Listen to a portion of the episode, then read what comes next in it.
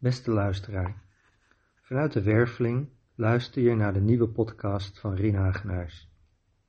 In de serie van podcasts over de chakra's van de kosmische mens wil ik deze keer met je het hebben over ons tweede chakra, ook wel het sacraal chakra of heiligbeen chakra genoemd.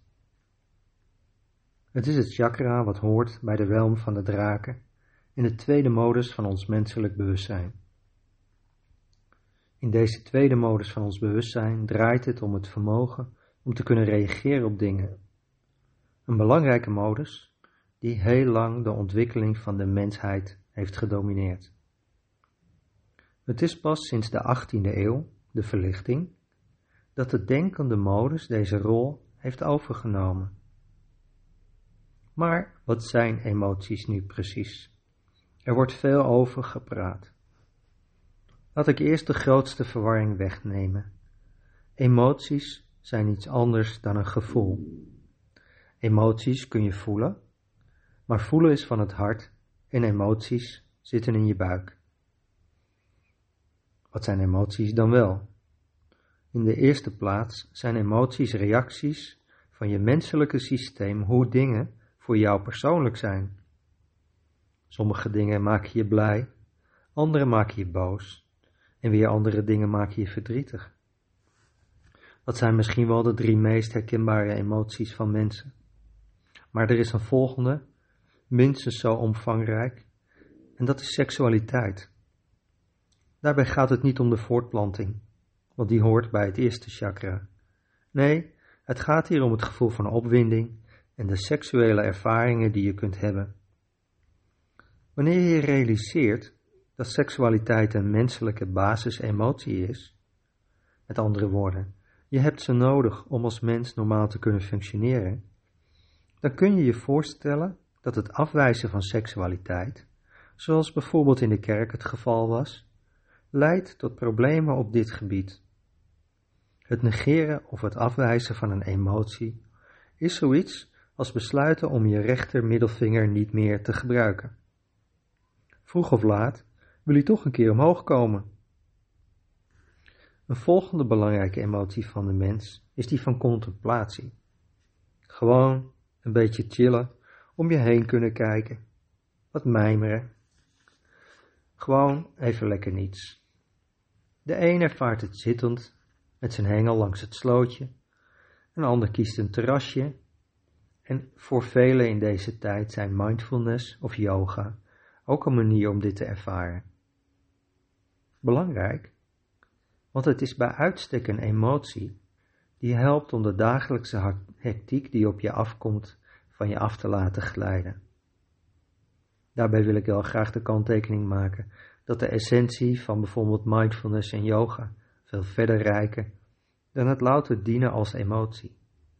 Dat is meer wat mensen er vaak zelf van maken. Ook een grote verzamelgroep van emoties vind je onder de noemer van creatieve hobby's. Van koken tot sporten, van schilderen tot reizen. Het zijn ervaringen die mensen gebruiken om hun persoonlijke leven te verrijken of in te ontwikkelen. Het persoonlijke karakter van emoties wordt daarin mooi zichtbaar. Wat de een leuk vindt, vindt de ander saai. Misschien is het je ook opgevallen dat angst in dit rijtje niet voorkomt. Dat is bewust zo. Angst is geen emotie. Angst hoort bij de eerste modus van je bewustzijn, bij het eerste chakra. Het maakt deel uit van ons vermogen om te overleven. Tuurlijk zijn er mensen die houden van griezelen, maar dan heb je het meer over de emotie. Het is niet echt. Je kunt nog zo spannend kijken naar een film, maar in werkelijkheid is het geen angst. Angst zit bij de eerste, eerste modus van je bewustzijn. Denk aan de eerste primitieve Neandertaler mens. Eerst moest deze zorgen voor zijn veiligheid, voor eten, drinken en voortplanten. Allemaal zaken van de eerste modus. Als die eenmaal tot stand zijn gekomen, komt er ruimte voor de volgende laag. Er ontstaan persoonlijke voorkeuren. De ene Neandertaler wil een gezellige warme grot, en de ander heeft liever een sobere koude grot. En dan beginnen ze op elkaar te reageren. En zo beginnen er emoties bij de vroege mens te ontstaan. Waarbij het resultaat in die fase kan zijn dat uiteindelijk de ene Neandertaler boos de ander het hoofd inslaat. En dat brengt me bij een volgende eigenschap van emoties. Emoties kennen in zichzelf weinig bewustzijn. Het zijn reacties op spanningen die zich opbouwen. Uiteindelijk ontploft het en is het vat met spanning weer geleegd. Blijft de omstandigheid dezelfde, dan bouwt de spanning opnieuw op tot die ontploft en het vat zich weer leegt. Emoties in zichzelf bevatten relatief weinig intelligentie ten opzichte van de andere lagen van ons bewustzijn. But be aware. Zonder emoties zou ons leven saai zijn. Een mooi huis of een lelijk huis, een lekkere maaltijd of een vieze maaltijd, een aantrekkelijke persoon of een afstandelijke persoon, Ajax of Feyenoord, we zouden het verschil niet weten. De mens zou veranderen in een robot. Tot op dit niveau van menselijke ontwikkeling was het leven van een mens op aarde dus heel gevaarlijk. Jij hebt iets, de ander wil het van je afpakken en het vermogen van die ander om zichzelf te beheersen is minimaal. Dus een gevoel van boosheid zal al snel uitmonden in geweld. Een gevoel van opwinning kan dan zomaar overgaan in verkrachting. Het is geen wonder dat de maatschappij, die zich in dit stadium van haar ontwikkeling bevindt, kiest voor een structuur van groepen.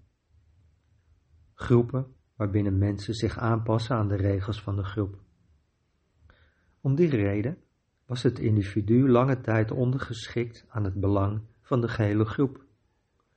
Gemeenschappen, overheden, kerken, bedrijven, alle werden zich gebouwd op ditzelfde principe.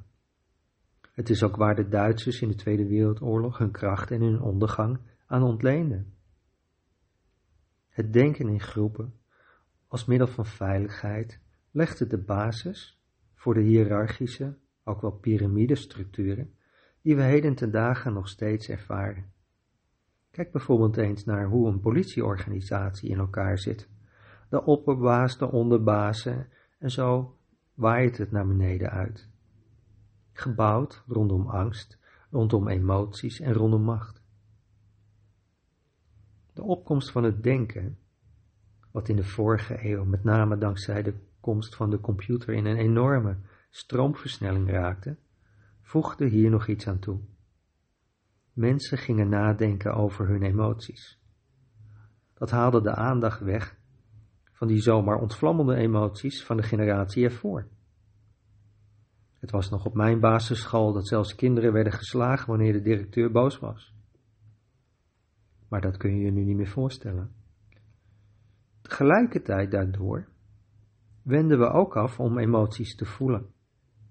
De emoties waren er nog wel, maar de mens leerde door aan andere dingen te denken ze te onderdrukken. Het principe blijft hetzelfde. Wanneer er een emotie is, bijvoorbeeld omdat je het ergens niet mee eens bent, dan bouwt er een boze spanning op. De emotie wordt door het denken onderdrukt, waardoor we onderhuids nog meer spanning opbouwen. Doordat emoties in werksituaties slecht waren voor het rendement, werden ze al in de vorige eeuw niet meer als professioneel beschouwd. Vakanties en vrije tijd waren daarom steeds harder nodig om als uitlaatklep te kunnen dienen voor opgebouwde spanningen. Het onderdrukken ging door en zo begon de mens zichzelf langzaam energetisch omhoog te stuwen naar de volgende verdiepingen in het systeem. En oeps, daar plopten we zomaar uit ons lichaam.